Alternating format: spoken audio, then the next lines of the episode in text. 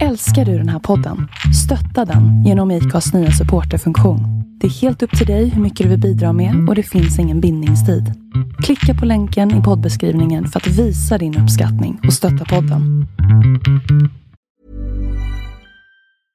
Hiring for your small business? If you're not looking for professionals on LinkedIn, you're looking in the wrong place. That's like looking for your car keys in a fish tank.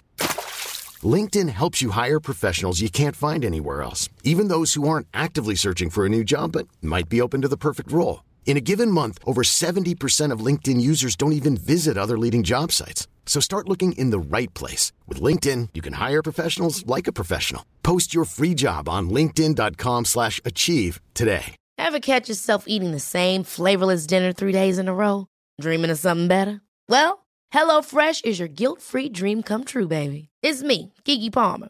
Let's wake up those taste buds with hot, juicy pecan-crusted chicken or garlic butter shrimp scampi. Mm. Hello Fresh. Stop dreaming of all the delicious possibilities and dig in at HelloFresh.com. Let's get this dinner party started.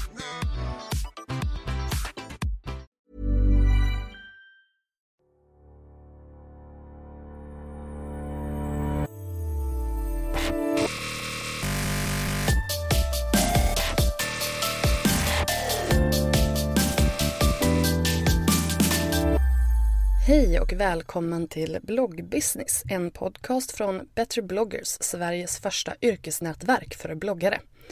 Jag heter Linda Hörnfeldt och bloggar själv på lalinda.se och är grundare till Better bloggers. Idag så ska vi få, eller ska ni få lyssna på min intervju med Sara Rönne som bloggar på träningsglädje.se eller traningsgladje.se. Ehm, det här är en sjukt proffsig tjej som har varit med i bloggsvängen i väldigt många år och har även tjänat pengar på sin blogg i rätt många år. Hon har liksom ett varumärkestänk och ett business-tänk olikt väldigt många. Så att här kan man ta väldigt mycket inspiration.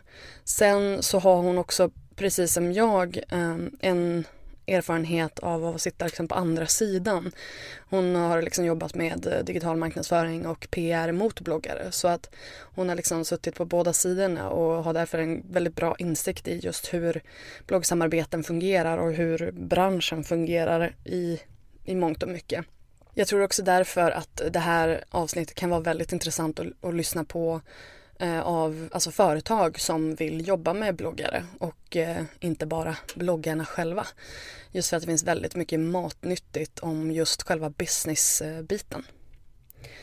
Men innan vi går in på intervjun så vill jag bara uppmana er bloggare som lyssnar på det här att om ni känner att ni kanske har så fastnat i ett bloggande eller behöver lite inspiration eller vill veta hur ni gör för att eh, få er blogg att växa och, och bli liksom stark och frodas och kanske kunna tjäna pengar på den. Ehm, då tycker jag att ni ska bli medlemmar i Better bloggers. Det gör ni på betterbloggers.se och det är helt gratis. Så att det finns ett litet eh, formulär där som man kan fylla i. Och sen så har jag också en jättespännande nyhet eh, som jag tänkte berätta om lite senare i det här avsnittet. Men först den här fantastiska intervjun med Sara Rönne.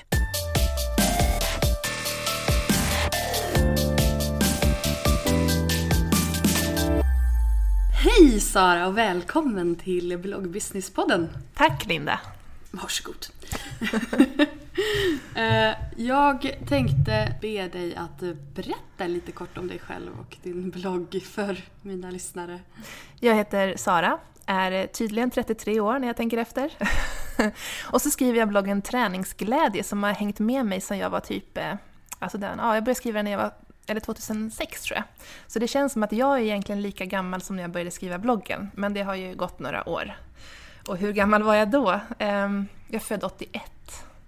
Eh, och jag började skriva min blogg när det här med träning inte var superhett och nu är det värsta träningsboomen. Så att eh, det här, hela, hela den här grejen med hälsa och träning det är ju skitstort och det har poppat upp supermånga träningsbloggar. Så du är lite hipsten bland träningsbloggarna, är det det du försöker säga? Ja, men jag är originalet. Nej, men jag tror att vi var ett gäng som började ungefär det året. Och sådär. Men det, då var vi ganska ensamma i vår nisch. Så det är kul att se hur det utvecklas. Vilka var det då? Um, jag vet en som heter typ Snorkis springer. Så att det är bloggare som fortfarande finns idag men som inte har Eh, alltså de är inte sådana superstora bloggar, men som ändå finns och som har ja, men så bloggat så här, troget under alla de här åren. När jag började då var ju eh, Glamourprinsessans dagbok, kommer du ihåg hennes ja, blogg? Ja, men hon har bytt namn va? Ja, ingen koll. Karolina Lasbo. Hon har fått barn. Ja, du ser. Mm. Folk har ju vuxit upp, men inte jag. Känns det som. Jag är fortfarande kvar där på samma. Men varför, varför startade du din blogg då 2006? Det är jättelänge sedan. Mm, jag önskar att jag hade en så bra story bakom där, men jag satt på mitt jobb och var väldigt uttråkad. Eh, och sen så läste jag Carolinas blogg och eh, Alltså jag hade nog eh, någon slags eh, tidningsdröm också, för när jag var liten så gjorde jag väldigt många tidningar och kopierade upp de här och liksom gjorde korsord och sålde för en femma liksom till så här släktingar och sådär. Eh, så när jag började skriva min blogg så var den ganska så här tidningsfokuserad. Det var inte så mycket om mig, utan det var om till exempel juice. Så här, vad innehåller den här juicen? Vad är den bra för? Eller typ högintensiv träning, vad är det bra för? Så det var inte så mycket person i det hela.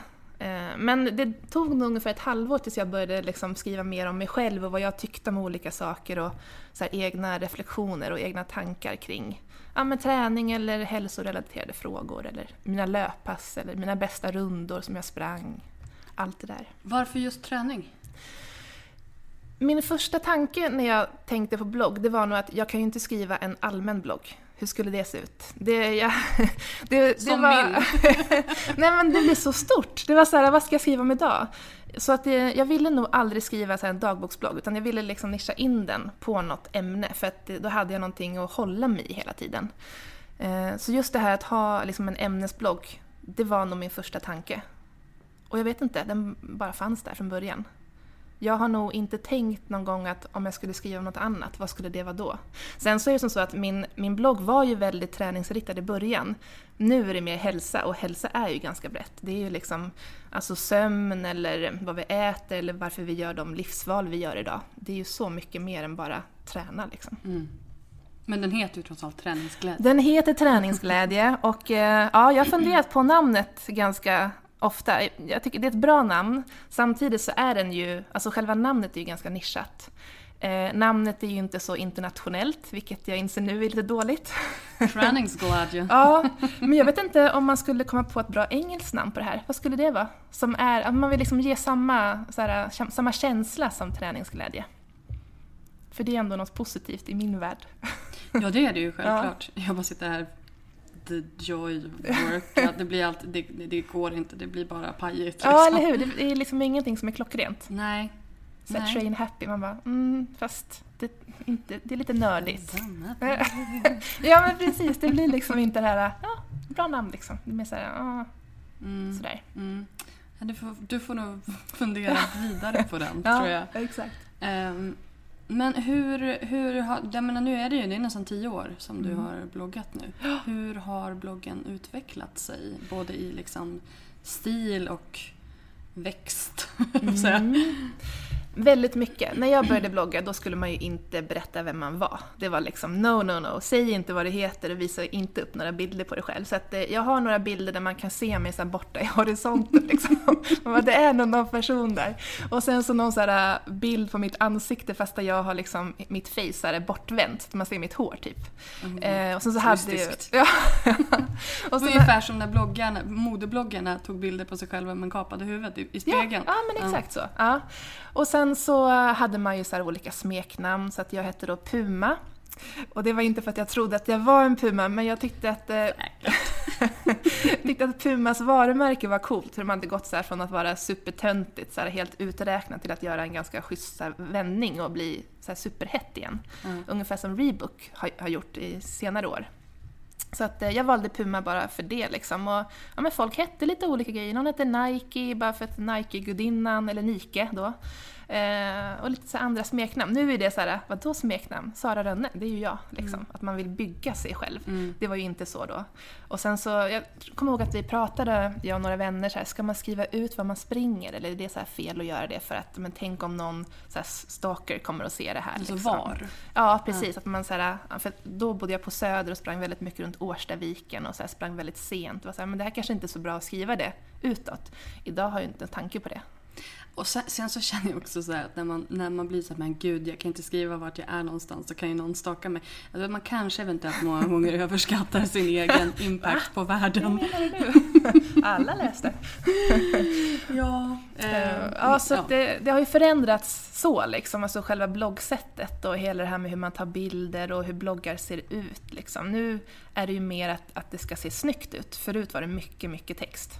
Mm. Eh, och det var det som man räknades på liksom. Och vart, alltså för jag menar det här är ju ändå en ganska stor, det är en väldigt stor förändring just det här att gå från att vara helt anonym till att vara Sara Rönne, du vet. Ja. alltså, men nu är det ju, alltså nu är ju hela ditt, din online-persona är ju ditt namn. Mm. Alltså det är Twitter, det är Instagram, det är alla liksom. Alltså, visst det är fortfarande träningsglädje men det är ju väldigt likställt med ditt, med ditt namn. Eh, minns du ungefär hur du tänkte när, det här skulle, när du såg att det här förändrades? Att, att eh, nu ska jag bli offentlig person. Bra fråga. Det var ju nog när jag började etablera mig på andra plattformar. Då var det så här, men vill jag vara träningsglädje forever? Liksom. Och, eh, så jag växte nog i det. Det var nog inget beslut som jag fattade så här, liksom att nu ska jag vända på min kappa liksom, och bli Sara istället. Um, bloggen har ju varit allra svårast, för det är när man skriver ett in inlägg och ska länka till folk. Det är så här, ska man skriva träningsglädje då? Att så här, eller ska man skriva sitt eget namn liksom? Ehm, så att, ehm, nej men jag har nog bara växt i det. Ehm, kanske för typ två, två, tre år sedan, att jag Mm. ville bli Sara mer än träningsglädje, för att jag insåg att det är mycket viktigare egentligen. Eh, och jag kommer ihåg när jag reggade min domän, då tog jag bara träningsglädje.se. Men nu så, eller jag insåg för några år sedan att vänta nu, det var ju någon som hade tagit .com nu, en svensk person dessutom. Då var jag lite grann såhär, men alltså Ehm, Så att eh, så fort hon tappade den så snodde jag tillbaka den. Så att nu, nu har jag båda två. Men det finns ju punkt .nu och punkt allting liksom. Så Men de man, två är de viktigaste i alla fall. Ja, exakt. Alltså, ska du köpa upp alla domäner då kan du hålla på hur länge som helst. Ja. Det finns ju hur mycket som helst nu. Med prickar och utan prickar och ja. Mm. Men det där är grejer som man måste tänka till på tror jag. Att ha liksom, ett, ett namn som funkar. Och det är ju synd då för de som heter så här Anna Johansson. Tråkigt. Mm. Det går inte att byta namn. Eller jo, det går. Men jag har ett ganska bra namn så för att det, Ja, det finns bara jag. precis. Ja, men jag kör ju mitt online, min online-persona är ju Lalinda. Mm. Eh, och den är jag ju ja, hyfsat ensam om i alla fall. För att mitt efternamn kan folk inte stava. Av Nej. någon anledning. Eh, Jag skulle också vara så här, vänta nu, hur stavar hon det efternamnet? Det är svårt. F-E-L-D-T, Ja. inte F-E-L-T. Nej. Inte... Tänk Reinfeldt. Ja. Ungefär lika viktig sådär. Ja, också. men Det alltså, det var ju om det här att inte liksom förminska sig Ja, själv. nej, jag var inte ironisk. Men då har ju du någonstans längs vägen också börjat tänka branding. Mm. Branding var jag nog alltid intresserad av från början. Eh, Jag bara brandade mig själv som träningsglädje väldigt länge. Sen så har inte jag alltid hetat det. Från början så, min första domän, det var en bloggspot-domän. Då hette jag, gud var det träningsblogg.blogspot.com tror jag. Oj, Mm. Och, den enda. ja, och jag kommer inte ihåg om jag stavade med ett G eller två G på träningsblogg. För det var det jag alltid såhär, gud, vad, om, om det var rätt eller inte, så här, alltså rent sm- smartness-rätt. Det var ju inte stavelserätt, för det, det kan man ju prata om också väldigt mycket, vad som är korrekt där. Men det valde jag utifrån SEO liksom. Mm. Så att jag hade nog det med mig på något sätt Mm. från början och även mitt, mitt så brand och hur jag ville vara som person utåt, liksom vilka budskap jag ville förmedla och när, när, när någon gick in på min blogg, om det var min chef eller min morfar, liksom, vad, vad de skulle mötas av, att det skulle vara en så här proffsig yta. Men det är nog för att jag är sån som person, försöker jag intala mig. Men, men då tänker jag, alltså vad har du för eh, utbildning och sådär? För det där låter ju som en kommunikatörs tankar. Liksom. Jag är nationalekonom från början. Eh, bott och pluggat utomlands mycket. Eh, sen så gick jag en popljusutbildning, journalistik. Men eh, hela den här kommunikationstänket, kommunikations... Liksom, tänket, det har jag nog med mig väldigt mycket hemifrån.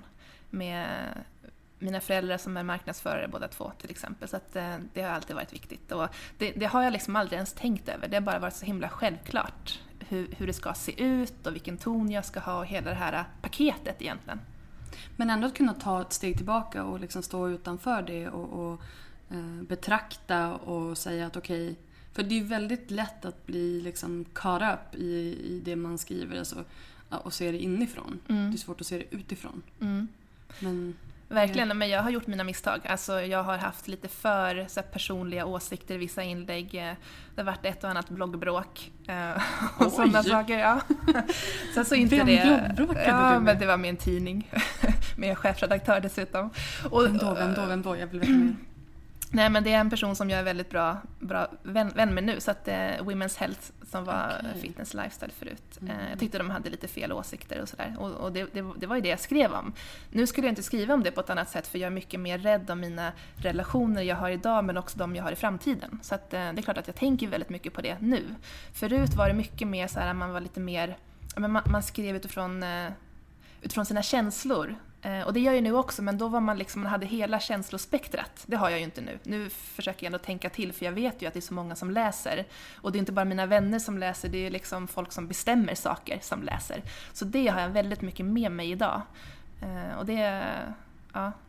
Men det var ju ett tag där också som det var liksom lite inne att vara eh, provokativ. Mm.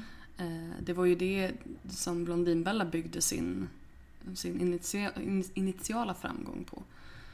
Eh, så att det Ja. kanske inte var så konstigt att man testade den vägen också. Det, eller tänkte du ens så? Ja, nej men alltså jag tror att många av de som har följt mig under längre tid, eh, alltså hela det förtroendekapital jag har idag, mycket av det kommer nog från den tiden också, bara för att jag var väldigt ärlig med vad jag tyckte och tänkte. Och, att, eh, och det är ju idag också, men jag kanske inte, när jag, när jag då rasar inombords så kanske jag inte skriver om det utåt sett, för jag vet att vänta nu, det här kanske inte bygger mig liksom. Men jag tror ändå att de som har läst min blogg länge, de är väldigt, alltså de uppskattar det. Och de kanske inte tänker på att jag inte är lika mycket så idag. Bara för att de har läst min blogg förut och har med sig den bilden av att liksom, när något var så här skit, då, då var det jag som var så här, men vänta nu, det här är fel och det här är fel. Liksom. Eh, så att eh, utifrån de som läser min blogg så kanske man ska vara lite mer, så här, eh, lite mer outspoken egentligen. Men å andra sidan så måste man ju tänka, så här, man tänka lite smart också. Vänta nu, vad, om, om jag skriver det här som, som jag tycker är fel, hur tas det emot av olika människor som läser min blogg? Av de som är mina kunder, eller mina bloggläsare, eller de som kanske kan bli mina kunder sen. Liksom. Mm. Så det är svårt, det är skitsvårt. Men det är lite den här avvägningen mellan hur man är personlig och ändå proffsig. Ja. Utan att, att inte trampa på tår men ändå vara så pass relaterbar. Mm. Eh, så att man får... Jag menar att spela på känslor, eller att inte spela på känslor men, men att skriva personligt och skriva om ehm, saker som kanske inte är eh, all fan and dandy hela tiden. Eh, är ju också sånt, sånt som bygger ens relation med läsarna. Verkligen. Och jag tycker att det är bra att vara kritisk, men man ska vara konstruktiv i sin kritik. Det, det, det tror jag är key, liksom, att ha, så här, men, att ha liksom just den här tanken på att man, man inte ska vara gnällig, utan man ska liksom ha ett syfte med gnället och man vill komma någonstans med det. Men det var också intressant för att jag, jag hade en kund som jag skrev ett inlägg för, L300, eh, innan jul. Plugg, plugg. ja, precis. Ehm, och, Det här inlägget är inte Nej, sponsrat det av är inte sponsrat. Eh, Men då så fick jag, eller det var någonting jag undrade över. Jo, men det var nog varför eh, deras kräm då inte innehöll eh, solskyddsfaktor. Eh, och istället för att liksom vara kritisk mot det bara i inlägget så eh, ställde jag den frågan till deras eh, produktutvecklare, vad det nu var för någonting. Så Istället för att vara kritisk eh, i det i mitt inlägg så ställde jag den frågan till produktchefen. Och då fick jag ett ganska bra svar. Så att alla de här grejerna man gnäller över, det kanske finns liksom ganska bra svar på de här bara man ställer frågan till rätt person. Så då kunde jag väva in det ganska smart i mitt inlägg också. Att jag hade önskat att det här fanns, men när jag ställde frågan så fick jag det här svaret. Så Mm. då, då blev det bra ändå. Mm, men det är ju jättebra. Ja. Nej, för jag tycker ändå att det är viktigt att... Jag menar, för jag har ju varit väldigt kritisk mot till exempel H&M Riot och, och mot hela eh, modeindustrin som, eh, som helhet och alltså i egenskapen av plus size person och plus size bloggare. Eh, och där har jag ju kanske varit mer spygalla personen. Men jag har ju försökt. Alltså det bästa är ju att man kommer in med sin kritik och även har en lösning på den till liksom rätt person, om det nu är någon ansvarig människa där. Men om de inte lyssnar, då, då kan man inte göra så jättemycket ändå. Då får man ju faktiskt Spygalla. spygalla. Exakt, då, då är det okej. Tack, Ja, tack. Varsågod. Det, kän, det, kän, det känns skönt att Du jag har min har välsignelse på detta. gå i frid. Ja, exakt. Men hur, hur har bloggen växt ehm, trafikmässigt? Jag tycker det går lite grann som en berg och dalbana. Det så här, går det jättemycket upp och sen går det lite ner och så går det upp och så går det ner. Liksom, så så det är ingen, så här, ingen jämn uppförsbacke, eller på att säga. Men fast det, upp, uppförsbacke lät ju dåligt, men alltså ingen jämn backe att man får fler läsare. Ehm, så att ehm, det där beror lite grann på. Eh, och sen så unika, ja unika är ganska stadigt såklart. Men antalet besök och sidvisningar, det är väl det som fluktuerar mest. Och eh, jag vet inte vad som är viktigast heller. För de som köper banners, då är ju sidvisningar väldigt viktigt. Medan de som köper något annat, jag tror inte de bryr sig lika mycket om det där. Det är mest, man, ska ha sin klick liksom. Mm. Eh, så att, ehm, ja det har vuxit en del. Sen beror det ju också väldigt mycket på att din, alltså din, din blogg är ju väldigt nischad. Det är inte bara träning och hälsa utan det är även liksom, du, alltså, du bor i Åre, du är väldigt aktiv där, du åker skidor. Alltså det är, liksom, det är, det är många um, spjutspetsgrejer som man kan gå in på. Och då kan man ju ta mer betalt. Då kanske det inte Ja. spelar så stor roll. Precis. Men hur, mycket, hur, hur ser din trafik ut? Eh, jag brukar räkna i besök. Ligger någonstans mellan ja, 15 och 18, lite grann beroende på typ av, liksom, när det är jul så är det Stycken. inte. Tusen. 15 kompisar. 15 000 till 18 000 I, i månaden. Ja. Nej, i veckan, förlåt. I veckan. Gud, helt confused. och hur många sidvisningar i veckan? Eh, 25 000 i veckan. Ja. Mm, jag brukar ha något litet så här, mål att jag vill upp över 100 i månaden. Det är liksom mitt lilla ja, Men hur, hur, hur har du, vad har du för strategier där då? Att öka dina sidvisningar? Jag gjorde ju om min bloggdesign för ett tag sedan så att man var tvungen att klicka för att komma in till varje inlägg. Då sköt det där i höjden. Det var så här 100 000, lätt att göra på typ eh, ungefär två, två veck veckor liksom. Så då var det ju lugnt. Så nu är jag ändå tillbaka, nu är det mer så här, åh vilken fin liten peak jag hade där för, liksom förut. Men nu, ja det är svårt det där. Men mycket internlänka. Mycket hänvisa till andra tips jag gett förut exempelvis och sådär. Och sen så försöker jag alltid skriva inlägg som på något sätt sprider sig. Att folk vill länka till dem. Till exempel. Men det är ju en helt annan sak. Ja, alltså. Mm. spridning, spridning och sådär. Men, men just det, varför bytte du tillbaka? Varför? För jag menar, det verkar ju funkat, de gick ju ja. in på dem. Ja, eh, alltså jag tror att Sverige är inte där än.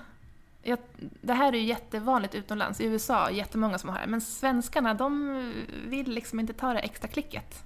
Trots att det inte blev fler klick egentligen om, om man skulle liksom lägga en kommentar. Då var det ju exakt lika många klick. Men det var lite så här, åh, ett, ett klick för mycket. Men jag tror att eh, vi kommer gå dit snart. Så jag, jag tror på det här. Men såg du att, de, att, att det generellt, för jag menar du säger att sidvisningarna ökade ju. Mm. Hur såg du då att det inte funkade? Fick väl en kommentar. Ja men en! Eller några stycken. Nej men när folk började twittra, då var det så här, ja, för då, då, då är det liksom på lite fler håll man, man får input liksom. Ja. Men sen så vet jag att det är de som, all, alltså det är de som inte är positiva som hörs mest, så är det ju alltid liksom. Eh, men vi, vi kommer nog ändra tillbaka snart igen tror jag. Vi ska bara hit- hitta en snygg ny design. Precis, och jag, jag menar, för det där har jag testat lite grann på några inlägg själv. Om jag har en lista eller om jag har någonting som jag vet att folk kanske är mer måna att klicka på. Alltså, folk verkar inte så himla intresserade av vad jag, jag gör on a daily basis. Alltså, du vet, det här har jag gjort idag och så en massa bilder. Um, de är mest för min egen skull, för att jag Fast ska kunna kolla Det, koll det sen. är ju lite kul tycker jag med sådana inlägg. Jag älskar sådana. Inga kommentarer på sånt. Nej, man har inte så mycket att säga om det. Det är mest såhär, ah, vad kul. Men det Härlig är kul att kolla på dem. Jo, jag tycker ju det gör. själv. Jag Ja. tycker det själv. Så att det är lite så här. Men det, det, är också, det är också en sån här grej hur man ska... I och med att folk är så dåliga på att eh, lämna kommentarer. ehm, och vi, åtminstone i våran ålder, är ganska så här kinkiga med vad vi delar för någonting. Hur ska man då visa sin uppskattning? Åh, jag hade velat haft så här litet hjärta man kan klicka på. Det tror jag är Ja. ganska enkelt. Det finns ju såna Mm. eh, plugins. Men jag har inte hittat något som är optimalt. Jag har hittat Nej. några som är så halvbra. Men sen så har de varit så här... De, de, har buggat på något sätt. Liksom. Mm. Så kan någon där ute bygga en liten rackarns hjärta. som man bara Som man kan... kan klicka på. Ja, eller tipsa om, en, om Ja. ett bra sånt eh, plugin. Ja. För att det vill jag ha. Och som man inte behöver registrera sig på. Nej. För det är ju en jättetröskel. Man ska inte behöva ge sitt Nej. mail och lösen och Jag grejer. vet att de har en sån på L. Ah, okej. Mm. Eh, Elsa Billgrens blogg. Många hjärtan. Och där, det är en sån, sån blogg som passar väldigt bra också. Ja, men precis. Det Eh. passar in liksom. Nej men, och, nej men det tror jag också på. Och så sen så tror jag också så att jag tror att den där, det där kommenterandet har förflyttat sig. Eh, för att när jag lägger upp ett inlägg på Facebook till exempel, då kan jag få kommentarer på inlägget där och jag bara "Fr- in, gå in på bloggen istället. Det är på fel ställe. Ja, precis. Men att man får kommentarer där eller att man får kommentarer på Instagram eller på Twitter när man sprider det. Ehm, det hade ju varit göttigt om man kunde liksom få in dem på bloggen också. Men det är väl för att man läser i telefon och så ska man kommentera där och ibland så ligger inte ens mail och ens användarnamn och blogg sparat. Så då säger jag, orka skriva in HTTP, alltså jag alla vet, det här. det är Det är jättelångt. jättejobbigt. Och då kan man ju ha andra så här kommentarsplugin, men då måste man ju också registrera sig en första Mm. gång och då är det jobbigt. Så att det känns som att pest eller kolera liksom. Mm. Jag bara sitter här och funderar Fundera. på hur vi ska lösa det Ja, här men jag tror på det här problemet. hjärtat, för det är ändå någon slags här engagemangsindikator. Mm. Att det här var bra, Mm. eller det här skiter väl vi Men hur liksom. får man fler att kommentera? När man läser amerikanska bloggar så är de ju väldigt så här, lojala. De kommenterar ju som 17 där och säger ju ingenting speciellt. Bara åh, så här, great post liksom. Mm. Så det är en Men- annan kultur tror jag. Och där, tror jag, där verkar det också som att folk har börjat lära sig discuss. Ja, Och där är det många som har det. Så då Mm. behöver man ju inte logga in en gång till och, och du vet sådär. Jag hade det ett tag men eh, det, vi är inte redo. vi är inte redo. Det var inte populärt alltså. Nej, det blir den här tröskeln som är bara, alltså det är bara en engångströskel. Men Mm. du vet att få folk över den. Det är svårt när, när man ska försöka få andra att ändra beteende. Det är liksom en ganska lång process och någon annan måste också vara med. Man kan inte vara ensam i En det. jobbig relation. Superjobbigt. Ändra sina besökares beteende. Jaja. Du säger ju att du, du, att du har samarbeten, att du säljer, du säljer samarbeten, annonser, sponsrade inlägg och sådär, eller hur? Sponsrade inlägg. Mm. Ja. Eh, hur ser sådana samarbeten ut och hur länge har du gjort... Alltså, hur började du med det? Och när? Oj, när? Ehm, det har jag nog gjort ganska länge. Jag försöker att eh, paketera mina inlägg, så jag försöker vara ganska proaktiv själv. Jag insåg ganska tidigt att om jag ska få det jag vill ha så kan inte jag gå och vänta på att någon ska höra av sig till mig. Utan jag måste eh, mejla eller ringa folk som jag vill jobba med och berätta för dem varför jag ska göra det. Så att det har jag, har jag nog gjort väldigt länge egentligen, kanske ja, men fyra år och sånt där tror jag. Sen så är det kanske, det går lite grann i perioder. I, ibland är folk jättepå och sen så kan det vara lite tyst ibland. Liksom sådär. Um, så att de kan se ut på väldigt många olika sätt. Det kan vara att jag ska testa någonting och då är det liksom typ så här trestegsinlägg. Så här, ett, eh, nu ska jag testa det här inlägget och sen så är det någonting i mitten och sen så är det, ja men så här blev det. Eller så här tyckte jag liksom. Så det är en form av paketering. Ehm, sen så gjorde jag också en julkalender förra året där jag eh, sålde tävlingsplatserna. Så jag hade liksom en tävling varenda dag. Och jag vet ju att det är många som gör det här. Jag vet inte om folk gör det gratis eller hur de gör. Men jag har försökt mig på att sälja mina platser. Eh, och det gick ju bra, ungefär till 75%. Så att de resterande 25% gav jag bort till mina långtida partners.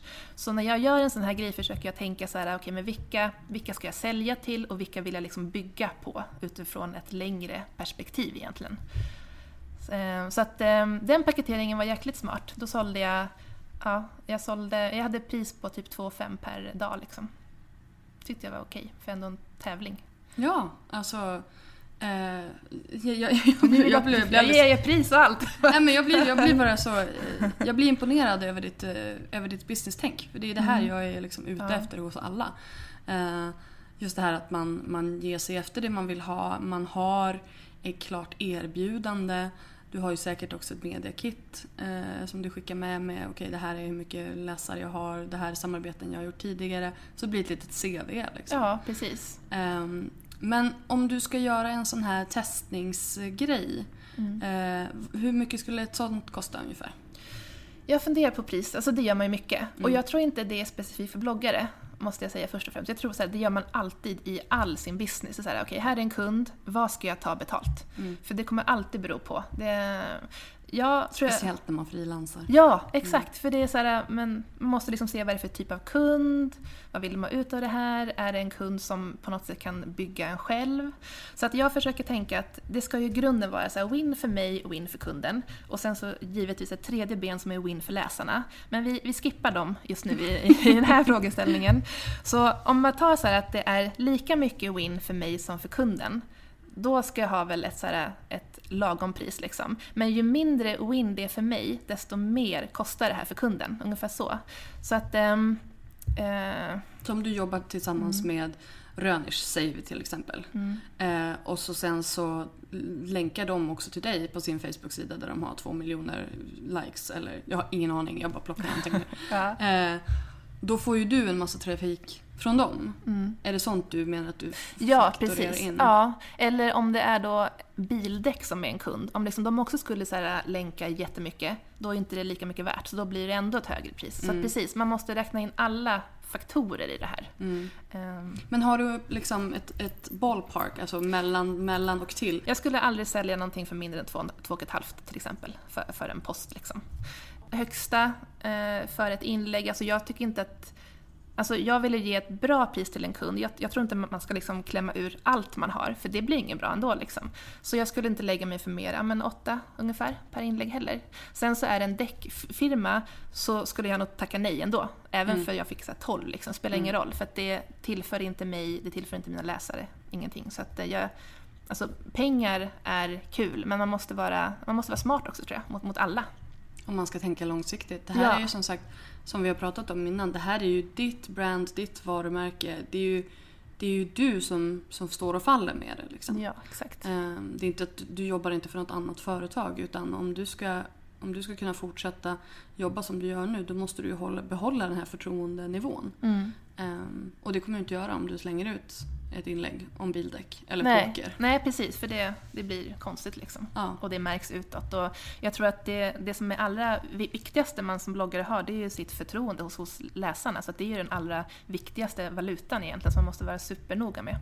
Hur ser din blogg ut rent tekniskt? Alltså, har du, du ligger ju hos eh, Healthy Living. Healthy Living, precis. Ett nystartat nätverk eh, som jag inte driver själv utan jag är bara rekryterad dit. Det känns jättehärligt. För jag är väl en sån person som ofta drar i grejer själv. Så här, nu vill jag göra det här och sen så starta upp det och det tar ju lite tid att driva det sen. Eh, så att jag ligger där, ligger på en Wordpress-blogg. Eh, och det har jag väl gjort sen jag lämnade Blogspot för några år sedan. Då. Jag låg på Spotlife ett tag också. Gjorde du? Ja, ett, ett år tror jag. Var, däremellan? Eller, mm. eh, Men då var det också Wordpress. Ja. Men när du låg där, var du då, blev du rekryterad där eller låg du, hade du liksom, alltså hade du någon kontakt med dem eller var du, startade du din egen blogg? Nej, jag var rekryterad, eller jag kommer inte ihåg om jag ansökte dit eller hur det var, men jag var liksom ett av de här Topploggarna? Ja, det var inte så stort då. Alltså, det här var för jättelänge sedan, så jag tror inte det fanns något öppet nätverk. Utan det var Nej, de okay. som man var. Liksom. Mm. Eh, jag vet, kommer inte ihåg om vi var 20 kanske? 18, 12? Mm. mycket, mycket dåligt minne. Men när var det här? Kommer inte ihåg. Sex år sedan. Nej, fem år sedan. Jättelänge sedan. Alltså det var innan det blev stort. Okej, okay, mm. okej. Okay. Där är i... När man hade, jag vet inte hur Spotlight funkar nu, men då hade man ju en personlig kontakt med han ensamma personen som gjorde typ allt där. Mm. Så att det, då var de typ en person. Som, så här, nu är de ju, nu har de ju, nu har de ju även en redaktionell ja. sajt. Så det är väl Daniel ja. Paris som är chefredaktör. Ah, okay. ja. eh, och sen har de ju olika då redaktörer men sen har de ju även den här hosting-delen. Ja, det var way before. men, men fick du betalt av Spotlight då för att ligga där? Ja, jag fick betalt. Eh, jag kommer inte ihåg hur mycket, men jag tror jag räknade ut att jag kunde dricka en latte i veckan. på betalningarna. Ungefär så. Det var, inga, det var inga rikemanspengar? Nej, det var det inte. Men det var kopplat på något sätt till... För att man kunde tacka ja och nej till kampanjer, kommer jag ihåg. Okay. Så att det var väl något så prestationsbaserad betalning. Men du hade inte... För jag vet ju att vissa har ju så månadslön. Liksom. Mm. Man fick... Eh, man, men ditt var baserat på sidvisningar? Ja, om man hade tackat ja till kampanjerna. Ah, okay, så okay. det var... För att det syntes ingen reklam om man inte hade sagt ja liksom. If you're looking for plump lips that last, you need to know about juvederm lip fillers. With Juvederm Volbella XC and Juvederm Ultra XC, your lip look, whether it's subtle or bold, can last up to one full year with optimal treatment and no additional maintenance. Find a licensed specialist and see if it's right for you at juvederm.com today. That's J U V E D E R M.com. Add fullness to lips in adults over 21 with Juvederm Volbella XC or Juvederm Ultra XC. Do not use if you have severe allergies or a history of severe allergic reactions, or if you're allergic to lidocaine or the proteins used in Juvederm. Tell your doctor if you have a history of scarring or taking medicines that decrease the body's immune response or that can prolong bleeding. Common side effects include injection site redness, swelling, pain, tenderness, firmness, lumps, bumps, bruising, discoloration, or itching. As with all fillers, there's a rare risk of unintentional injection into a blood vessel, which can cause vision abnormalities, blindness, stroke, temporary scabs, or scarring. For full important safety information, visit juvederm.com. Ryan Reynolds here from Mint Mobile. With the price of just about everything going up during inflation, we thought we'd bring our prices down. So to help us, we brought in a reverse auctioneer, which is apparently a thing. Mint Mobile unlimited premium wireless. Ready to get 30, 30, bit to get 30, bit to get 20, 20, 20, bit to get 20, 20, bit to get 15, 15, 15, 15 just 15 bucks a month. So, Give it a try at mintmobile.com slash switch. $45 up front for three months plus taxes and fees. Promo rate for new customers for limited time. Unlimited more than 40 gigabytes per month. Slows. Full terms at mintmobile.com. Many of us have those stubborn pounds that seem impossible to lose, no matter how good we eat or how hard we work out. My solution is PlushCare. PlushCare is a leading telehealth provider with doctors who are there for you day and night to partner with you in your weight loss journey. They can prescribe FDA-approved weight loss medications like Wagovi and Zepbound for those who qualify. Plus, they accept most insurance plans. To get started, visit plushcare.com slash weight loss. That's plushcare.com slash weight loss. Jag förstår. Så att, eh, ja. ehm, det är ju och- rimligt dock. Det är ju Ja. bra för då kan man ju bestämma själv vad det är, Ja, som, absolut. vad det är som syns. Mm. Men Healthy Living, vem är det som... Jessica Clarén? Nej? Mm, det är en Ja. trio. Det är Jessica Klarén eh, som är webb, eh, webbguru utifrån design. Hon gör väldigt snygga saker. Erika Kitz Skölevik som eh, frilansare, jobbar mycket för Topphälsa. Skriver bra grejer och är träningsguru också. Och sen är det en tjej som heter Kristin Insulander som jag vet minst om. Men hon skriver också saker. Så det, är de, det är liksom en trio som har börjat med det här. Då, som körde igång i höstas. Och hur många bloggar har de? Ja, vi tog en bild för inte så länge sedan. Vad kan vi vara? Typ åtta? Okej. Kajo är med till exempel utifrån en aspekt. Kristin och um, Erika också bloggar och Jessica blogg och sen så Sissi som är yogaguru. Alltså den här konstellationen med folk är nog ganska stora i sin nisch liksom. Mm. Kanske inte så mycket utanför utan det är verkligen så här, de som kan yoga, de vet precis liksom så här.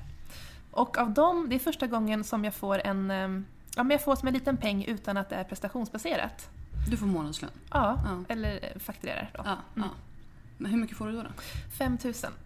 Ingen jättesumma, men tycker så här, det är ändå... För att det som är dilemmat är när man går över till en sån här sajt, det är att man måste liksom tumma på någonting. Liksom. Det är designen exempelvis, om man går över till Metro Mode eller vad det nu kan vara. Liksom. Eh, Det blir ju inte lika snyggt som när man, när man har en egen blogg. Men här, här är det ju att jag har min blogg precis som jag vill ha den och så får jag en peng också för att inte göra någonting mer än det jag gjorde förut. Så jag tycker det är okej. ja, precis. Du har ju bara den här lilla, lilla loggan. Ja, kan- är det en banner det- högst upp också? Eh, ja, man kan klicka på det är som en liten så textbanner Ja. högst upp och sen så kommer det vara en liten ram längst ner. Den Mm. är inte riktigt klar än. Mm, okej. Och sen så har jag kvar alla mina samarbeten också. Så att jag har liksom, jag tyckte det var en ganska schysst deal utifrån att jag kan göra det jag vill i alla fall. Liksom. Mm, mm. Sen så om man hade släppt allting, då hade jag, man vill ha mer, mer pengar såklart. Men då har inte du någon annonsering eller någonting sånt på din blogg? Inte som det ser ut nu. Utan eh, det kommer kanske bli sen. Ja, det känns ju som att de skulle Mm. vilja ha det för annars Mm. så får ju inte de. Någonting ut ur det hela. Precis. Jag bara försöker Ja. tänka liksom. ja, What's in it for them? Precis. Och Förutom här- prestigen. Ja, exakt. Och det är skönt för det behöver inte jag tänka på. Det tycker jag är så himla härligt. För att det bara blir sen, och då blir det sen. Så här, jag, jag behöver inte jaga människor för det här, liksom, men jag behöver inte tänka, vänta nu, steg ett, två, tre. Liksom. Mm. Så att, eh, ja, det är en lyx för mig tycker jag. Jag har ju aldrig legat på en portal. Eller på, hos någon annan än mig själv. Jag har ju alltid varit liksom self-hosted. Eh, och använt Wordpress sedan 2005. Så jag vet ju inte av några av de positiva delarna av att ligga hos en portal? Förutom det faktum att du får betalt nu. Ja, precis. Alltså hade man legat på en stor portal som var stor från början, då hade man kanske kunnat räkna med trafik. Nu gör ju inte jag det, för jag tror att det är jag som bidrar med mycket av trafiken. Liksom. Så att, eh, det hade ju varit en positiv grej. Jag är också lite så här äh, mot att ligga på portaler, bara för att jag är väldigt mån om träningsglädje och om mina inlänkar framförallt, för att ha min tyngd liksom på Google. Eh, det som var bra i det här caset är att jag, jag får behålla allt det där. För att de gör någon slags lösning så att även om de vill ha mina siffror, alltså mina läsare, så kopplas det på deras Google-konto på något sätt. Jag är inte så teknisk utan det här löser någon annan. Eh, så att jag får alla mina inlänkar till mig själv. Eh, så jag har liksom inte släppt på mig liksom någonting, så det är positivt. Du ligger inte på deras domän? Nej, precis. Nej. Utan jag har kvar liksom mitt, mitt namn och allt det där. För det, jag är också lite skeptisk mot att släppa allt det där, för det är, det, alltså det är ju mina grejer som är väldigt värdefulla för mig och mitt namn och min framtid. Jag, jag tänker ju alltid liksom ett steg fram. Så här, men vänta nu, om jag gör, om jag gör det här, hur, hur blir det sen då när jag vill göra något annat? Liksom? Och det gäller ju både emotionellt, ett emotionellt värde och, och eh, sådär. Men även att om du flyttar, om du tar allt ditt och flyttar till en portal, då, då stryker du ett streck över hela din Google ljus. Liksom. Ja. Då är ju hela din, din ranking borta. Mm. Och så får du börja om. Mm. Scary stuff. Ja, men, ja. Och då ska man ha väldigt bra betalt då istället. Ja. Så, så, så tänker jag. Liksom. Mm. Om jag gör en, en hel flytt, då vill jag ha en, typ en riktig lön. Vad tycker, vad tycker du är, är liksom den största utmaningen med att, för jag menar du, har du något jobb utöver det här? Alltså, lever du på ditt bloggande? Alltså jag lever inte på min blogg, men genom min blogg. Det är nog det jag skulle beskriva det som. Det får du nog förklara dig, kära du. Alltså jag har ju väldigt få samarbeten som syns på, på min, min, blogg. Alltså väldigt få sponsrade inlägg om man säger så. Eh, jag har typ inga annonser, har nästan aldrig haft, för jag tycker att det ger inte mig någonting. Jag kanske får en, typ en liten peng, men det blir väldigt fult. Eller liksom det, det kostar mer än det smakar om jag säger så. Så att istället så har jag ju nischat in mig på att göra andra saker. Jag kommer från en värld, som sagt jag är nationalekonom från början, är ganska duktig på analys och se mönster. Så att eh, jag har jobbat väldigt mycket med att titta på hur hur, alltså hur folk beter sig på nätet. Alltså hur man pratar om olika saker. Så här, hur pratar man om löparskor exempelvis på bloggar och på Facebook och på Twitter. Och de här konsumentinsikterna har eh, blivit rapporter som har skickats till en marknadschef för att utvärdera en kampanj eller att bygga liksom insikter inför en kampanj eller till produktutvecklare som vill veta så här, vad tyckte folk om Lokas nya vatten som smakade ananas. Sådana saker liksom. Så att det, alltså mitt jobb har ju varit väldigt mycket att titta på hur bloggare beter sig. Eh, och eftersom jag själv är bloggare så vet jag ju också hur bloggare beter sig. Jag jobbar mycket med PR-uppdrag, så att jag har jobbat med allt från knäckebröd till eh, sportkläder. Eh, gjort kampanjer mot, mot bloggare. Och eh, har, har nog dragit väldigt stor nytta av det här. Så att eh, min blogg är ju absolut någonting som står på mitt CV, ganska högt. Väldigt högt. Eh, och jag skulle säga att alla mina uppdrag är egentligen liksom utifrån en bloggaspekt på något sätt. Så idag så är jag faktiskt anställd eh, på Visit Åre. Eh, så jag bor uppe i Åre och jobbar med all deras, eller deras digitala turistbyrå kan man säga. Samtidigt som jag gör också en hel del frilansuppdrag åt sportvarumärken främst. Då. Elbolag har jag också gjort lite kampanjer för mot hälsobloggare. Den var intressant. Mm. Hur vinklade du den? Nej men det är nog ganska enkelt för att eh, det här var grön el. Och eh, hälsobloggare är ju, eller vill ju vara väldigt gröna. Så att, eh, då gjorde vi som en, en tävling. Interesting. Mm. Jag har funderat också på en grej som... För att jag tänker att i bloggvärlden, de som är... Alltså som får mycket liksom produktutskick eller blir tätt sammanbundna med olika varumärken. Eh, sminkbloggare får ju hem saker hela tiden. Men även träningsbloggare jobbar ju ganska nära olika, eh, olika mm, alltså klädvarumärken. Hur, hur, har du, hur ser sånt ut för dig? Har du olika ambassadörskap som du jobbar med? Att du har en, ett eh, varumärke som sponsrar dig? Eller hur funkar sånt? Mm. Jag har gjort som en flik på min blogg som heter PR and Policy, eller PR och Policy. så där skriver jag upp liksom så lite grann hur jag tänker kring så här pressutskick och sådana saker. Och sen så listar jag också de som jag jobbar väldigt mycket med. För det är otroligt svårt när man till exempel får en löparsko, man kanske får den i maj, och då berättar man nu har jag fått den här skon från Nike eller Reebok eller vad det nu kan vara, Adidas. Um, och då syns den ju men sen så har man ju på sina skon typ oktober. Då är det så här, vänta ska jag skriva ut att det här är en sko jag fick i maj. Ni har sett den på 53 stycken inlägg. Och jag har fått den här. Alltså skitsvårt. Ja. Så jag har allting under den här fliken. Där det står exakt att ja, men jag är ambassadör för Intersport och jag jobbar väldigt mycket med craft sportswear och liksom med all- alla mina brands egentligen utifrån om det är restauranger jag typ har så här väldigt bra dialog med. Det är typ alla märken liksom. Men när du då gör sådana ambassadörskap, är det då, alltså du får en sko, eller är du, får du betalt för det också? Eller får du bara produkter? Men det kan vara väldigt olika. Um, alltså vissa ställen eller saker får jag inte betalt för, alltså i, i det dagliga liksom. Men om jag paketerar det, då kan de köpa det till exempel. Som till exempel eh, Högbo brukshotell. Ett fantastiskt ställe som jag älskar. Ja, jag har varit där ganska nyligen själv. Och de, de är så himla härliga på alla sätt. Liksom.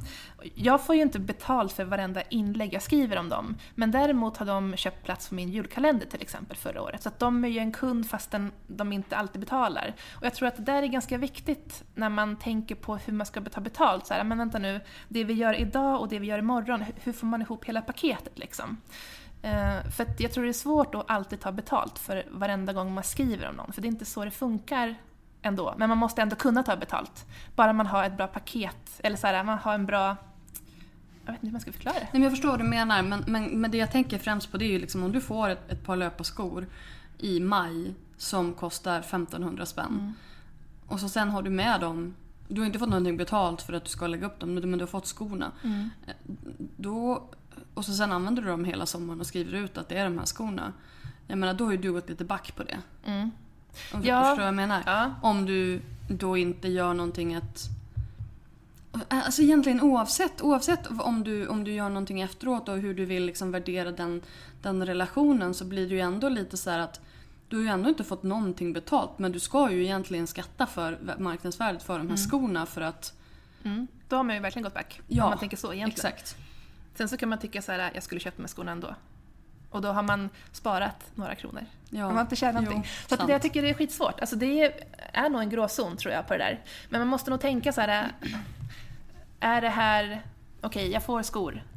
Är, kan man göra någonting annat med den här kunden någon annan gång? Liksom? Kommer de kunna köpa någon, någonting någon annan gång? Alltså lite grann så tänka så här, ur ett längre perspektiv. Att förvalta det här liksom, och utveckla kunden då. Om man ska prata Jag är bara, jag är bara, ja precis, jag blir bara, du vet när jag hör det här då blir jag bara orolig att de känner att ja, men vi ger henne ett par skor som Mm. vi betalar en hundring för, 200 för. Eh, och så sen så skriver hon om det hela sommaren. Jag, vill, alltså jag är bara orolig att, att märkena tänker att åh, här gick ju vi plus. Liksom. Mm, ja, precis. Eh, Nej, men jag tror så att man ska, alltså med, med de varumärken man vill bygga någonting på så ska man fånga upp dem och ha ett möte med dem framför allt. Eh, gå direkt till dem och inte till PR-byrån. Jag tror att så här, får man skor från PR-byrån, alltså PR-byråer köper ju oftast inte plats utan då måste gå till en annan person. Antingen en mediebyrå som kan vara väldigt kreativa och vara lite grann som en PR-byrå eller gå direkt till marknadskoordinator eller marknadschef. Liksom. Någon, någon Eller till mig i framtiden. Ja, men precis. Eller till dig. Eh, och sen så måste man på något sätt ge hela sitt... Alltså berätta varför ska de köpa platsen hos, hos mig liksom. Eh, Eh, berätta vilka som läser min blogg, hur många som läser, lite case från men hur har det sett ut när andra har köpt plats. Och man måste också särskilja att när de köper en plats så får de det här och det här och det här. Till exempel att de får en löpande exponering där man pratar om de budskap som de vill få ut. Till exempel att det här är en sko med en sjukt cool sula eller att Ehm, um, skosnörena aldrig går upp när man knyter dem. Vet, sådana saker. För när man får ett PR-utskick då kan man skriva vad som helst, det spelar ingen roll liksom, för att man har liksom ingen skyldighet. Men när man föreslår en kund att vänta nu, köp platsen så får ni hela paketet. Då kommer de förhoppningsvis att inse att shit, det här är ju skitsmart. Men de får länkarna exakt dit, dit de vill, om det är till en kampanjsajt eller om det är till återförsäljare. Och man, man pratar om, om det som de, de vill få ut.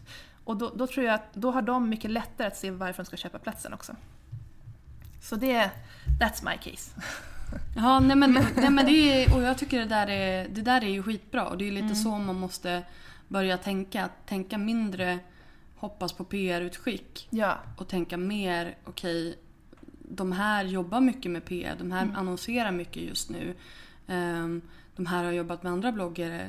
Kan jag paketera ihop någonting som de skulle vara intresserade av att göra? exakt. Eh, det tror jag mycket på. Så att man håller ögonen öppna och, och liksom fångar momentum. Mm. Men som sagt att man kanske inte tar det via PR-byråerna därför att de har ju ett annat jobb. Ja, och det, deras jobb är ju inte att köpa plats generellt, utan det är ju liksom att få ut det gratis Precis. med smarta sätt. Precis. Liksom.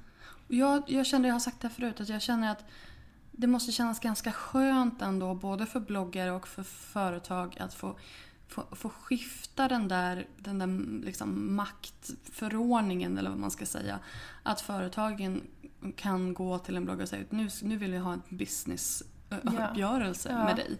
Och inte sitta där och hålla tummarna för att man Ja. ska skriva någonting och så sen kanske inte blir bra ändå. Nej. Ehm, utan att istället liksom beställa en, en konsulttjänst Mm. och, och förvänta sig leverans. Ja, och jag tror att de får ut mycket mer av det för att när man jobbar med en bloggare och betalar en peng då blir det liksom ett långsiktigt arbete som också får alltså, de som läser bloggen att förstå att vänta nu, bloggaren tycker verkligen om den här grejen. Liksom. Eh, och jag tror ju inte att man ska gå in i någonting där man inte gillar typ den här skon eller vad det nu kan vara för någonting. Och det, det tror jag de flesta förstår, liksom, att det, det är liksom inte så bra. Nej, inte, alltså, det, det kanske liksom ger 500 spänn där Ja. och då men du sabbar ju trovärdigheten hos dina läsare som du liksom tidigare sa är liksom Mm. det bästa. Det är ju den, den högsta valutan du har. Ehm, och du sabbar ju Alltså det, det är ju ingen, det är ingenting långsiktigt. Det är inte kunder kommer att kunna gå tillbaka till det för att det har egentligen ingenting med det du skriver att göra. Och nu har de fått sin länk. Så Ja. nu är de glada liksom. Ja, och sen så är det slut och det var ju tråkigt för alla Ja. parter. Liksom. Ja, men Det exakt. blev inget mer. exakt nej. Vad vill du se hos Bättre bloggers? Vad tycker du? Vilken, vilken kunskap känner du att det är bristvara på i bloggbranschen? Men jag tror det är både stora och små saker. En sak som jag märker när jag pratar med företag som vill köpa plats, alltså det är så här att många företag vill köpa plats, liksom, så är det. Men för att de ska kunna köpa plats hos en bloggare så måste bloggaren bli lite mer affärsmässig i leveransen. För jag tror så här, när man får ett PR-utskick, det spelar ingen roll hur din blogg ser ut egentligen, den kan se ut lite hur som helst för att du har ändå läsare. Men så fort någon köper en plats, då måste du som bloggare leverera. Och jag tror att det är det man måste förstå, att köpt plats, då är det liksom då, då, då har man en skyldighet tillbaka liksom, för det, man är en kund. Lite grann så. Eh, och jag tror att det där är helheten liksom. Det är hur din blogg ser ut, eh, vad du ger tillbaka till dem, alltså så här bilder. Så att det, det, det, det som är litet det är ju liksom, ja, men en, en snyggare blogg. Liksom. Och bilderna är väldigt viktiga i det.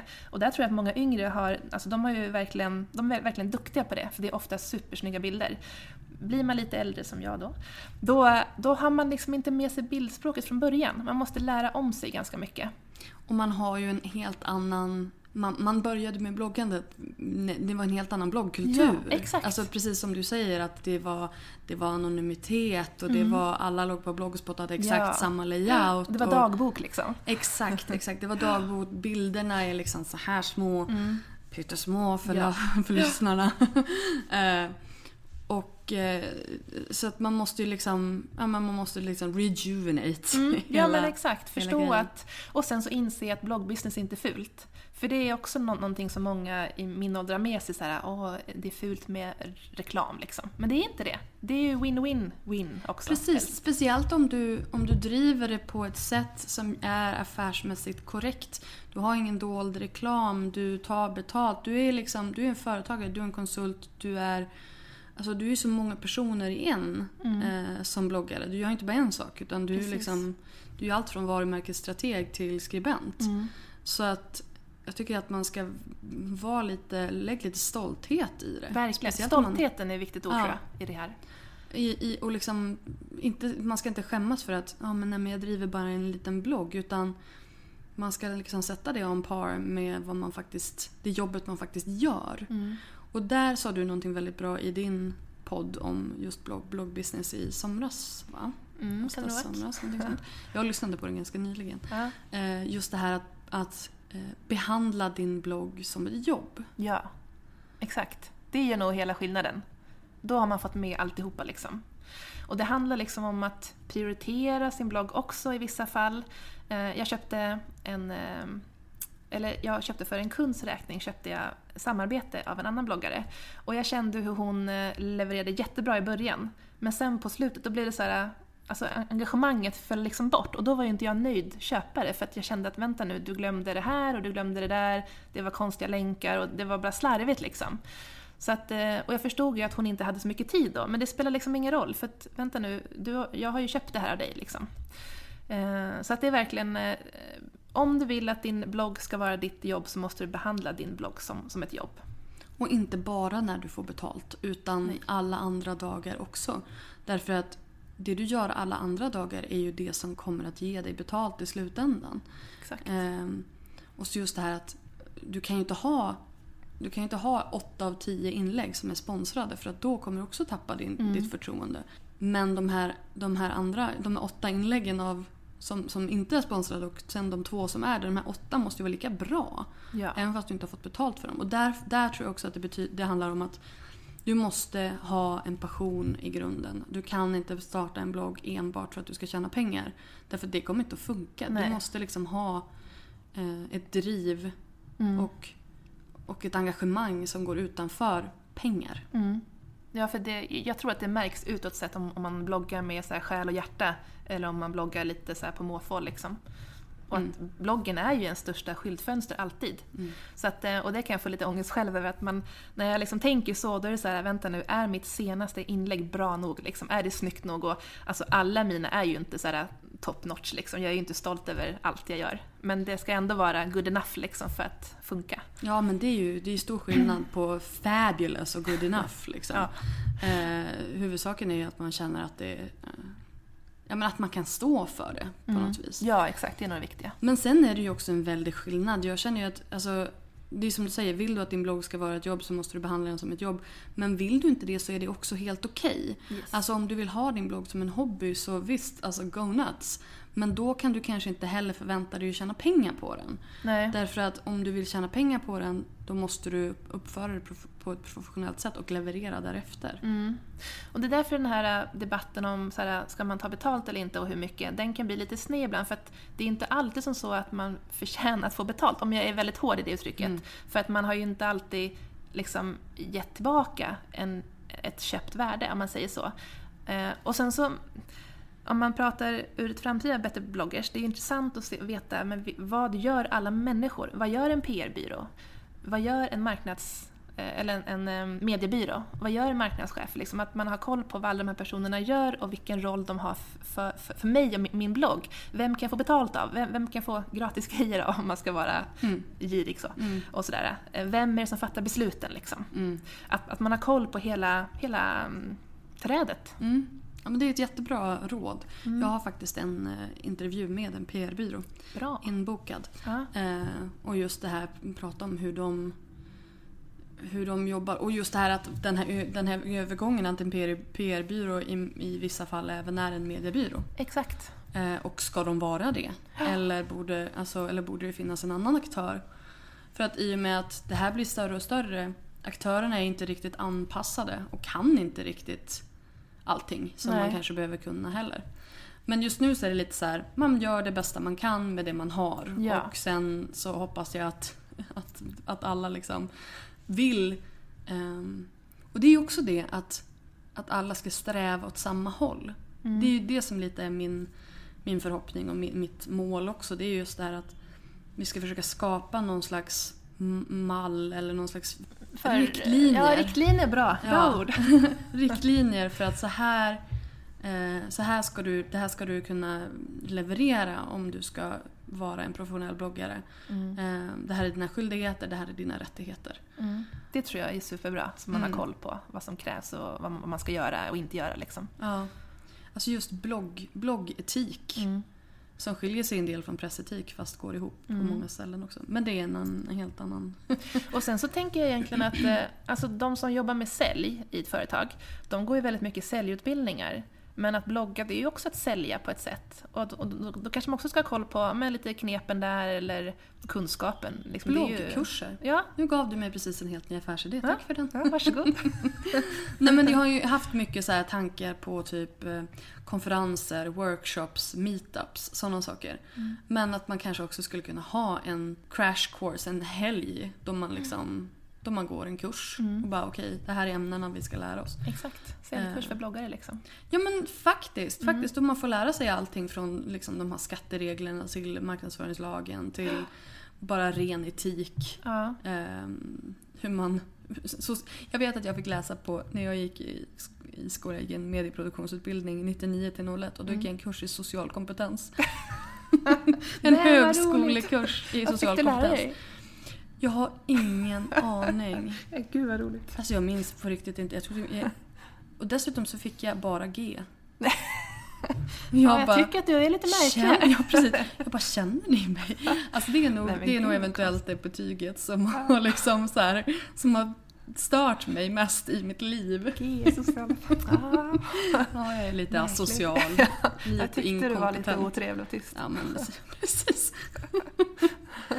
Vad har, har, nu vill jag ha dina bästa, dina bästa business-tips för bloggare. Att vara proaktiv.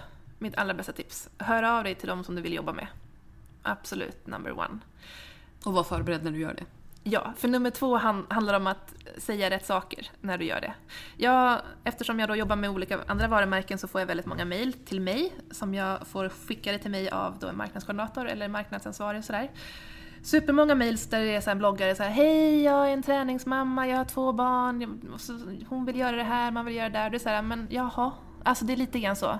Så att när du skriver ett mejl till någon som du vill jobba med, skriv varför det företaget ska jobba med dig. Alltså så här, jag har 10 000 läsare, eh, med, alltså de är mellan 15 till 25 år exempelvis, eller jag vill göra det här med er för att ni kommer nå er målgrupp så här, eller ni kommer få den här skjutsen i det här ämnet. Alltså så här, alla skäl till varför de ska köpa plats med dig, eller göra något kul med dig. Så skippa allt det här personliga, skippa dina barn, i alla fall i mening ett.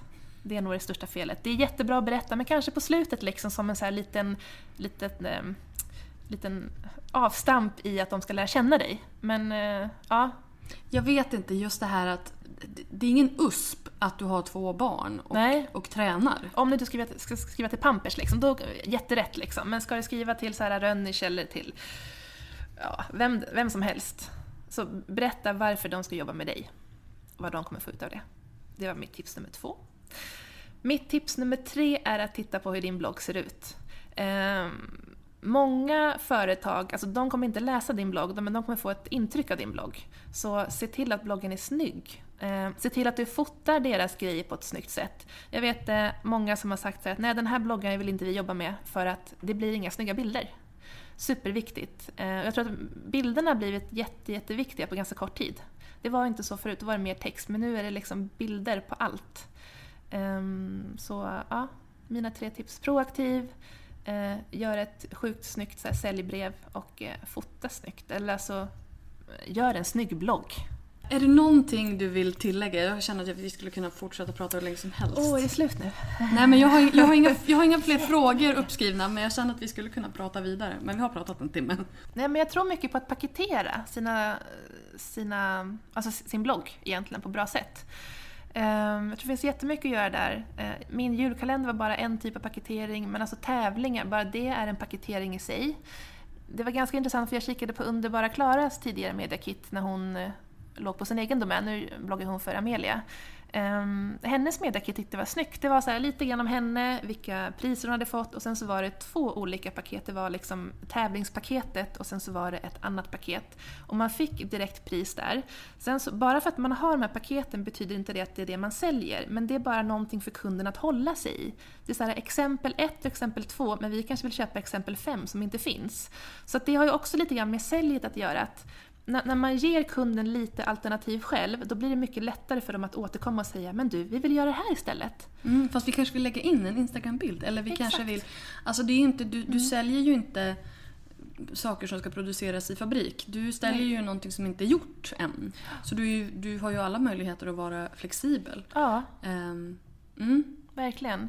Och sen så tänker jag på liksom att många som är inom hälsobranschen, alltså de är ju också PT, så där kan man göra jättemycket grejer. Ska man ha en löparkurs, ja men vänta nu, då kan vi ha lite bloggexponering, men vi kan också göra mycket mer liksom fysiska grejer, så man får ihop det i sitt paket också. Så bara ös på med bra säljargument och smarta liksom, paket. På en säljkurs. Ja, men jag tror mycket på säljet, alltså, det är key. Och en sak till, superviktigt, bygg relationen. Alltså det är nog det allra viktigaste. Ehm, även med PR-byråer. PR, PR-byråer. PR-byrod. ja, alltså träffa människorna, prata med dem. Alltså, för det är jätteviktigt för att i slutändan så Alltså det du säljer, det är ju inte din blogg, det är ju dig själv liksom. Och väldigt mycket relationsbyggande med alla liksom. Eh, och det var väldigt kul för jag skickade ut ett pressutskick till massa bloggare och sen så fick jag faktiskt svar från en. Vet du vem det var? Nej. Frida Ramstedt. Alltså en superhypad bloggare som skrev så här, tack för utskicket. Då blir man glad. Då är det så här, den här tjejen är sjukt bra. Henne ska jag köpa någon gång. Alltså inte hon, men hennes, henne, ett blogginlägg eller vad som helst. Det jag tyckte var bra med det, det var att man Alltså även om man får jättemycket pressutskick och man inte vill skriva om grejer för att man tycker inte att det passar, så bygg relationen ändå. Jag tror inte du tjänar någonting på att säga så här nej du vet du vad, det här var inte intressant för mig, jag kommer inte skriva om det här. Utan säg bara kul, tack så mycket. Alltså så här, bygg det positiva, skit mm. i det negativa för det leder ingenstans. Och du kommer inte få en köpt plats av ett nej. Alltså rent smart så. Så tänk strategiskt. Ja, ja, vi avslutar med de kloka orden. Eh, tack Sara för att du var med i min podd. Tusen tack, det var jättekul att vara med. Du har precis lyssnat på ett avsnitt av Bloggbusiness. Och som jag lovade tidigare i det här avsnittet så har jag en liten nyhet att berätta för er härliga lyssnare. Eh, det är så här att jag i dagarna ska dra igång en bloggagentur som eh, jag kallar för April Stockholm. Jag ska återkomma till namnet lite senare men det som är grejen med den här bloggagenturen det är att jag vill, jag har som mål att skapa en eh, rättvis, vettig vettig, frodande eh, bloggbransch där bloggare får betalt för det jobb som de faktiskt gör som redaktörer och som innehållsproducenter. Så att eh, det är lite som typ om man skulle kunna säga en reklambyrå eller en mediebyrå eller, eller en contentbyrå. Det är bara det att jag börjar med, med bloggarna. Jag står på bloggarnas sida och jag eh, utgår ifrån bloggsidan så att säga. Min vision är att bloggarna ska liksom bli en erkänd yrkeskategori bland producenter av kvalitetsinnehåll, vad det nu må vara, text, bild, video eller någonting sånt där. Och eh, att man även ska få betalt för det jobb som man lägger ner. Så att jag kommer inte att jobba med PR eller goodiebags eller sådana saker utan det är sponsrade eh, inlägg och, och reklamsamarbeten så att eh, du kommer alltid som bloggare att få betalt när du jobbar med mig. Och om du är intresserad av att vara med i den här agenturen så är det enklast att bli medlem på Better bloggers och fylla i all information där. Ehm, sen kommer jag nu till en början att eh, plocka upp bloggare från Better bloggers och, och, bjuda in till agenturen som jag tycker har liksom, potential för att kunna tjäna pengar. Ehm, så att eh, alla är självklart välkomna till Better bloggers. Hela tanken där är att man ska vara med för att utveckla sitt bloggande.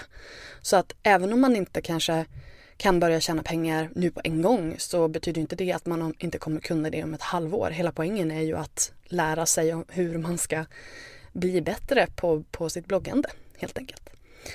Så att eh, jag hoppas att ni blir medlemmar och så sen så hoppas jag att ni, ni går in och kollar på April Stockholm. Um, i nästa vecka tror jag förhoppningsvis att sajten kommer att vara igång. Eh, och April Stockholm, namnet är lite, lite så här, många har frågat mig varför det heter så. Eh, det, är, det är en liten sån här personlig sak, alltså när jag döper för, företag och projekt och sådär så försöker jag att hålla det nära mig själv för det är ändå jag som är kreatören i det så att det är, ja men jag vet inte, egocentriskt eller vad man ska kalla det men jag vill lägga en liten personlig touch på det i alla fall. Och april är helt enkelt för att jag är född i april eh, men även för att jag vill hålla liksom känslan av evig vår i det här, i den här agenturen. Jag vill att det ska kännas sprudlande och som att saker och ting bara kommer till liv och eh, utvecklas och eh, frodas. Ehm, det är lite den känslan som jag är ute efter. Och eh, sen Stockholm för att det, det, är här som jag eh, grundar det hela i alla fall. Sen får vi se om det kanske hamnar i resten av världen. Jag hoppas det. Mm, ja, men så det var i alla fall allting för idag. Om ni har frågor eller vill tipsa om kommande gäster eller sådär så är ni välkomna att eh, kika in på betterbloggers.se och lämna en kommentar. Vi finns även på Facebook, Twitter och Instagram. At betterbloggers på alla de tre. Det var allt för idag. Ha en trevlig helg. Hej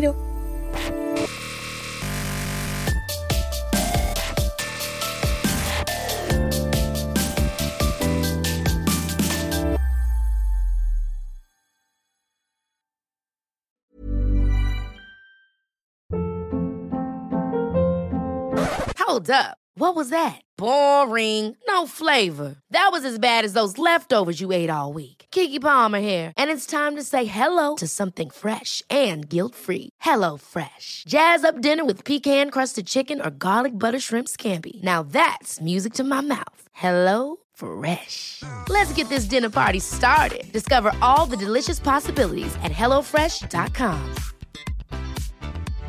Imagine the softest sheets you've ever felt. Now imagine them getting even softer over time. That's what you'll feel with Bowl and Branch's organic cotton sheets. In a recent customer survey, 96% replied that Bowl and Branch sheets get softer with every wash. Start getting your best night's sleep in these sheets that get softer and softer for years to come. Try their sheets with a 30-night guarantee. Plus, get 15% off your first order at bowlandbranch.com. Code BUTTERY. Exclusions apply. See site for details.